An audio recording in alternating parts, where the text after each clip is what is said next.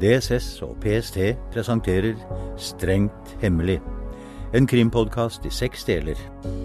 Manus Jan Melum. Tilretteleggelse og regi Nils Nordberg.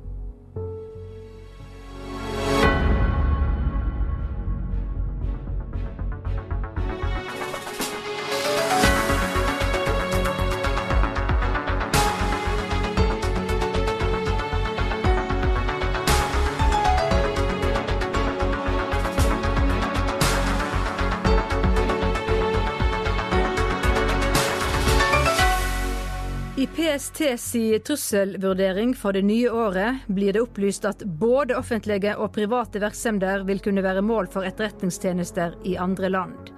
PST advarer om at rekruttering av kjelder og agenter for å påvirke norske beslutningsprosesser vil være ei vedvarende utfordring. PST oppmoder om at informasjon som kan skade landets interesser, om det kommer i feil hender, blir håndtert med varsemd. Strengt hemmelig, episode 1, mappe nummer 28. Arkitektkonkurransen for det nye regjeringskvartalet er avgjort, og konkrete planer blir utviklet.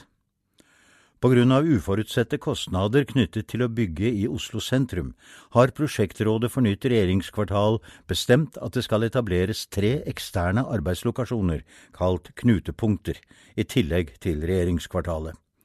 Her kan departementsansatte arbeide uavhengig av hvilket departement de hører til, logge seg på felles nett og filstruktur og holde videokonferansemøter. Hver lokasjon skal settes opp med et hemmelig operasjonssenter, som inneholder graderte møterom og krypterte kommunikasjonsmuligheter med de andre lokasjonene og regjeringskvartalet. Det skal nå avholdes et møte på høyt sikkerhetsnivå, der tegninger og funksjoner skal drøftes. Planlegger er seksjonssjef Anita Moen, 46 år, jurist i seksjon for nytt regjeringskvartal i Facility Management. Hun har lang fartstid i Departementenes sikkerhets- og serviceorganisasjon, DSS. Møtet skal ledes av lederen i prosjektrådet, Kjell Mjelde. Underdirektør i Kommunal- og moderniseringsdepartementet, en byråkrat med lang erfaring og mange kontakter i departementene, personlig venn av direktøren i DSS, min sjef. Kjent som en hard negl, en mann du ikke vil komme i konflikt med. Anita Moen har de siste årene gjennomgått en vanskelig periode, med sykdom og en krevende skilsmisse. Hun har to barn og anstrengt økonomi. Jeg vet jo hva ryktene sier om meg, dyktig, men preget av min livssituasjon. Onsdag 19. september klokken 10.40. Anita Moens kontor i Akersgata 64. Eh, Vi har en viktig dag foran oss, Kristoffer. Møte om de operasjonssentrene, hva? 28 deltakere, inklusive oss to om Gjelde. Og han vil selvsagt henge over skuldrene våre. Har vi noen løse kanoner? Jeg har ikke kontroll over departementenes folk, Anita. Det er nok av underlige typer der. Men alle i prosjektrådet er sikkerhetsklarert. sikkerhetsklarert. det er ingen garanti, Kristoffer. Detaljene om funksjonaliteten må ikke lekke ut. Så lenge vi følger alle prosedyrer, er ikke det vårt ansvar, Anita. Min medarbeider, seniorrådgiver Kristoffer Hernes, 35 år, karrierelisten siviløkonom fra Norges handelshøyskole. Jeg mistenker ham for å være ute etter jobben min. Det er lett å si for deg, Kristoffer, men det er mitt ansvar hvis noe galt skulle skje, og det er mange deltakere i dette møtet. Hvordan har du egentlig tenkt å ivareta sikkerheten i en så stor forsamling? Du vet hva Mjelde har sagt om det. Og vi har jo våre prosedyrer. Så lenge de blir fulgt, er vi på trygg grunn. Men han overlot beslutningen til oss, har du glemt det? Nei da. Jeg forstår ikke hvorfor du insisterer på å ha med alle disse, det må da skape et sikkerhetsproblem. Vi forutsetter selvsagt at alle møtedeltakerne er sikkerhetsklarert, som sagt. Vel, hvis du insisterer så får vi heller prøve å få det til. Jeg regner med at vi bruker en digital løsning på saksdokumentene. I dette tilfellet er det sikkerhetsmessig bedre med papir. Mm, det betyr at vi må sikre dokumentene grundig, Det blir ikke noe problem. sier du ja. Jeg tror vi for sikkerhets skyld tar det opp direkte med Mjelde.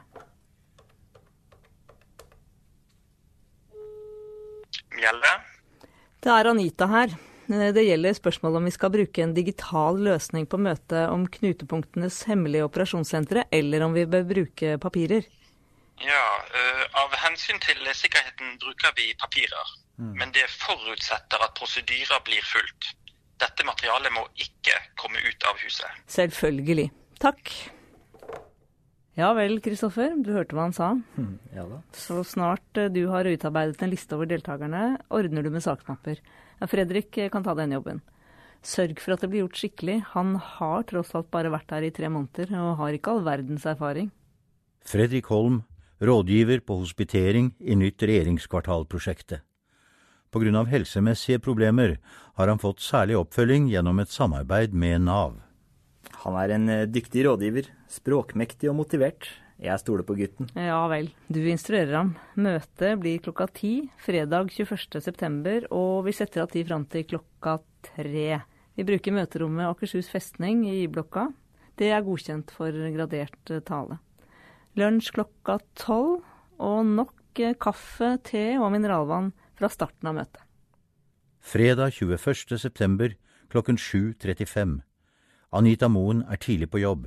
Det første hun gjør er å sjekke at ingen har meldt avbud. Nå oppdager hun at arkitektfirmaet i tillegg til ansvarshavende arkitekt Anders Antonsen har påmeldt advokat Sven Foyn som juridisk rådgiver. En overraskelse, for å si det mildt. Foyn og jeg ble kjent etter en juristfest. Vi hadde et kort og hektisk forhold.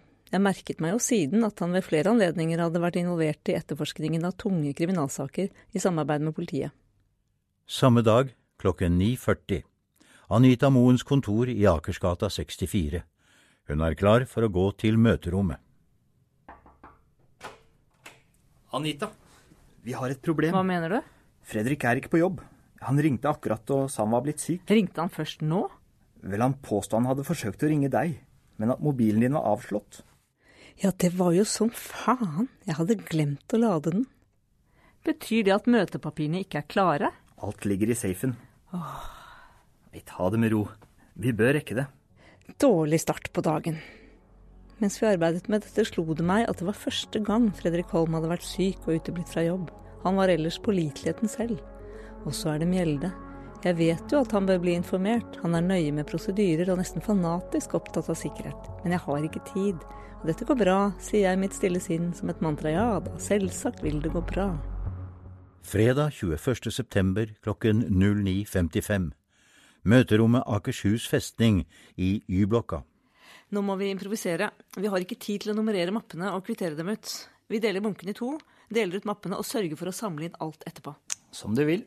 Det er ditt ansvar. Vi har 28 mapper. Jeg gir deg halvparten for å dele ut.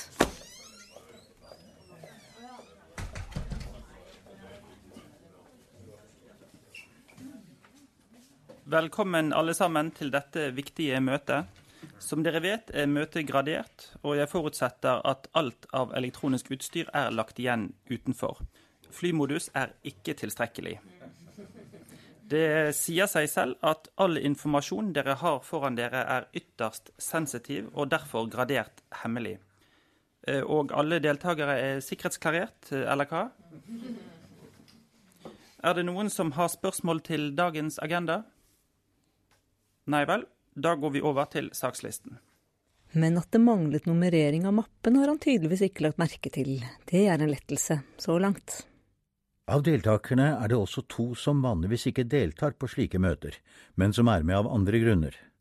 Den ene er psykologen Aina Moxnes, som representanten fra Statsbygg ønsket å ha med for å vurdere psykiske påkjenninger ved å jobbe under kriseforhold i lang tid. Og den andre er advokat Sven Foyn, som arkitekt Antonsen, representant for firmaet med ansvar for nytt regjeringskvartal, har ønsket bistand av når det gjelder kontraktsutforming. Foyn blunker til meg, og jeg unner ham et raskt smil før jeg later som ingenting og konsentrerer meg om diskusjonen. Liker ikke tanken på at Kristoffer kan ha lagt merke til kontakten mellom oss. Runden går raskt, jeg kan ikke la være å bli imponert over presisjonsnivået til de aller fleste, men noen få skiller seg ut. Arkitekt Antonsen snakker raskt, som om det er presserende for ham å få det hurtig overstått. Psykologen Moxnes derimot virker som hun ikke finner seg til rette i forsamlingen og bruker tid på å understreke sin spesielle kompetanse. Foyn skuffer meg.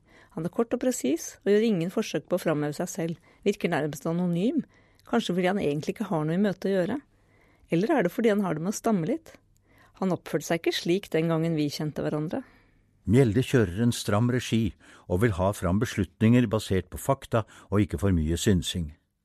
Men diskusjonen glir ut og ender med å dreie seg om den betydelige uenigheten mellom dem som ønsker at knutepunktene skal bygges, og dem som ønsker et samlet regjeringskvartal. Psykologen Moxnes er en tydelig forkjemper for et samlet kvartal, sammen med flere representanter fra departementene. Heller ikke arkitekt Antonsen og representanten fra Statsbygg ønsker å spre departementsdriften. Men de blir imøtegått av folk som arbeider med sikkerhetsspørsmål. Etter lunsj blir diskusjonen enda mer preget av uenighet, og det oppstår tendenser til munnhuggeri.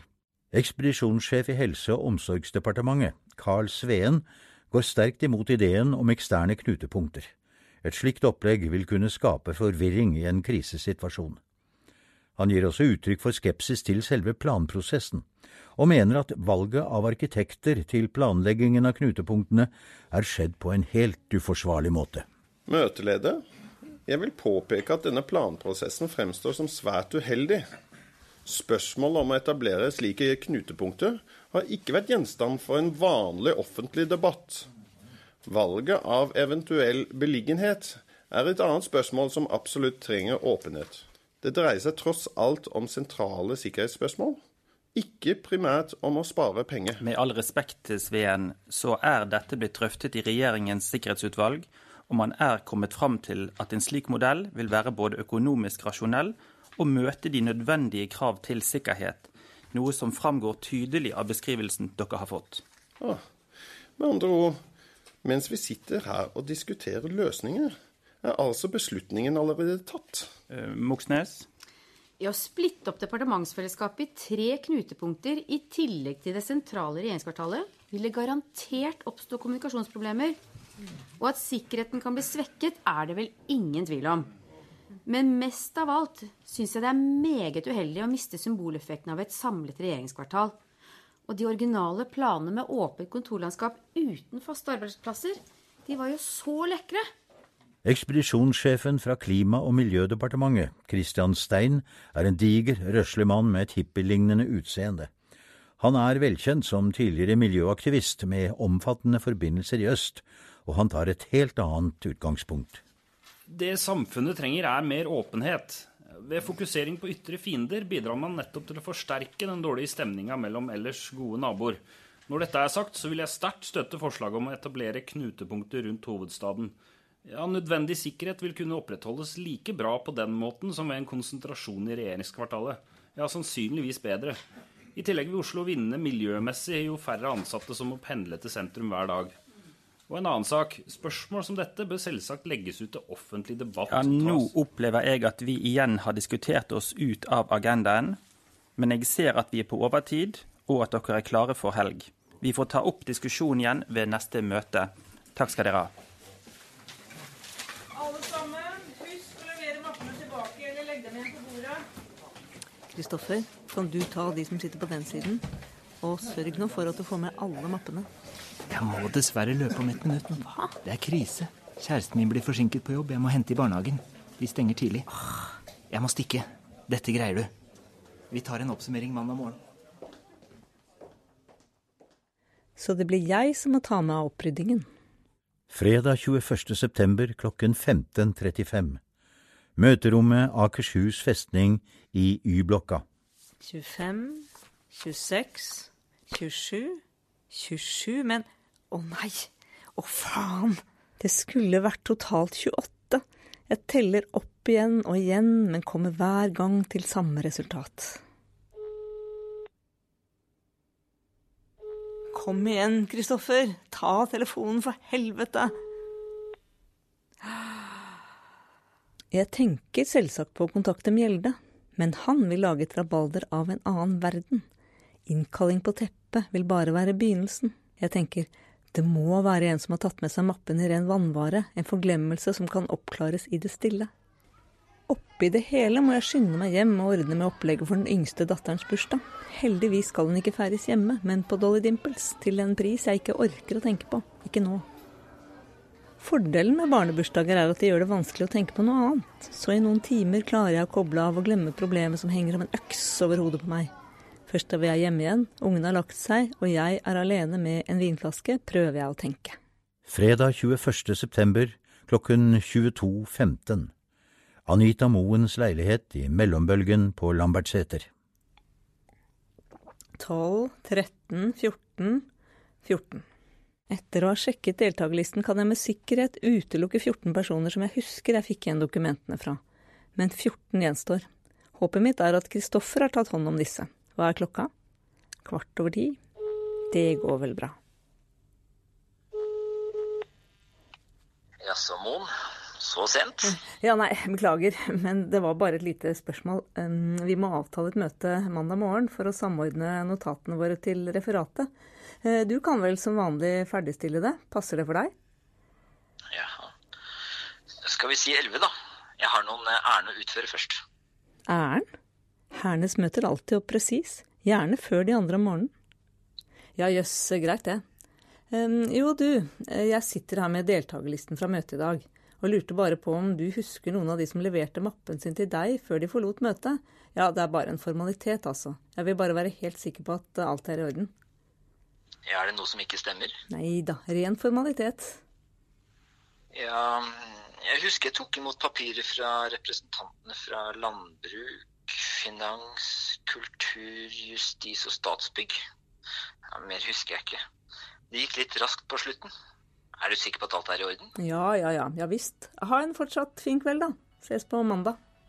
Nå sitter jeg fint i det. Ni personer gjenstår. Fordelen er at jeg vet hvem de er, men ikke hva jeg skal gjøre med det.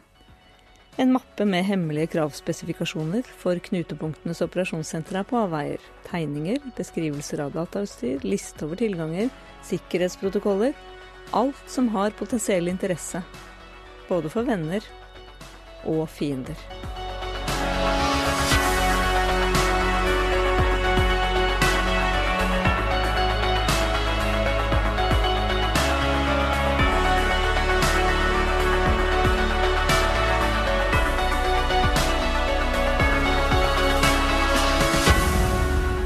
Du har hørt første episode av Strengt hemmelig av Jan Melum. Med skuespillere fra Departementsfellesskapet og DSS. Lyd og musikk Andreas Gravdal. Tilretteleggelse og regi Nils Nordberg.